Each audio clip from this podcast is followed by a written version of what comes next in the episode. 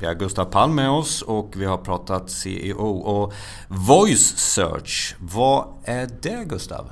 Voice Search är eh, helt enkelt sök, fast röstsök. Så till skillnad från det vi normalt förknippar med sök, det vill säga textsök, så är Voice Search när vi söker efter något på internet med hjälp av vår röst.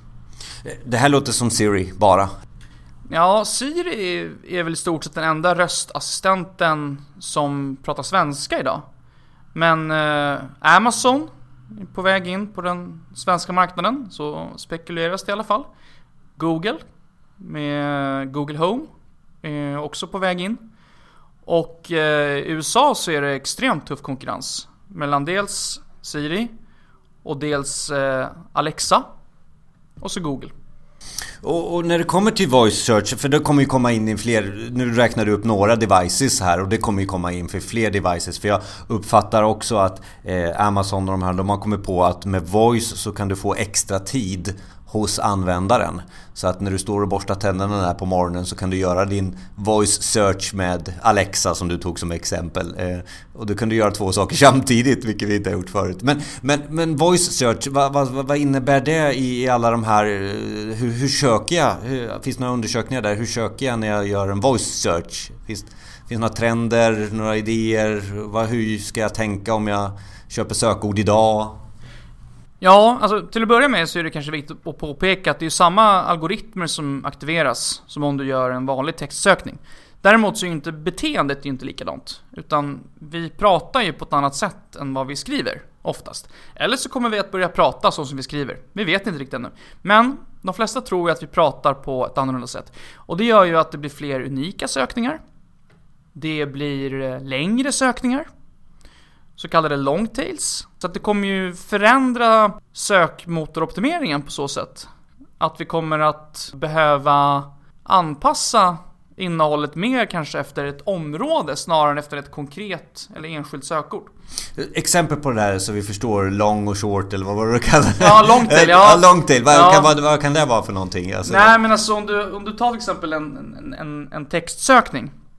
Då, då kanske du söker eh, på ja, köttrestaurang, New York, skriver du.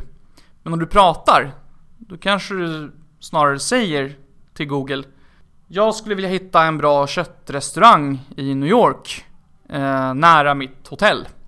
Det är en long tail. Kom mer, mer, komplicerad också? Mer kanske. specifikt, ja. mer komplicerat. Ja. Och det gör ju att det kommer bli mycket, mycket fler, som jag sa, unika sökningar. Så att det kommer bli eh, Alltså, då kommer ju Google i större utsträckning behöva använda machine learning och artificiell intelligens alltså för att kunna avgöra vilket svar som är mest relevant för den typen av sökfråga. Det här är ju framtiden. Voice är ju framtiden. Väldigt många spaningar säger att det är voice som är framtiden och voice search kommer ju då precis som det är för text vara väldigt, väldigt relevant. Eh, behöver jag tänka till lite här om jag nu eh, använder Google idag som en av mina delar som för, för, för, att få trafik till exempel till min hemsida? Behöver jag tänka annorlunda nu när jag jobbar med voice? Jag skulle säga faktiskt nej. Eh, inte särskilt för att du får också tänka på vad är det, vilken typ av sökningar är det som är voice. Det är inte särskilt många kommersiella sökningar.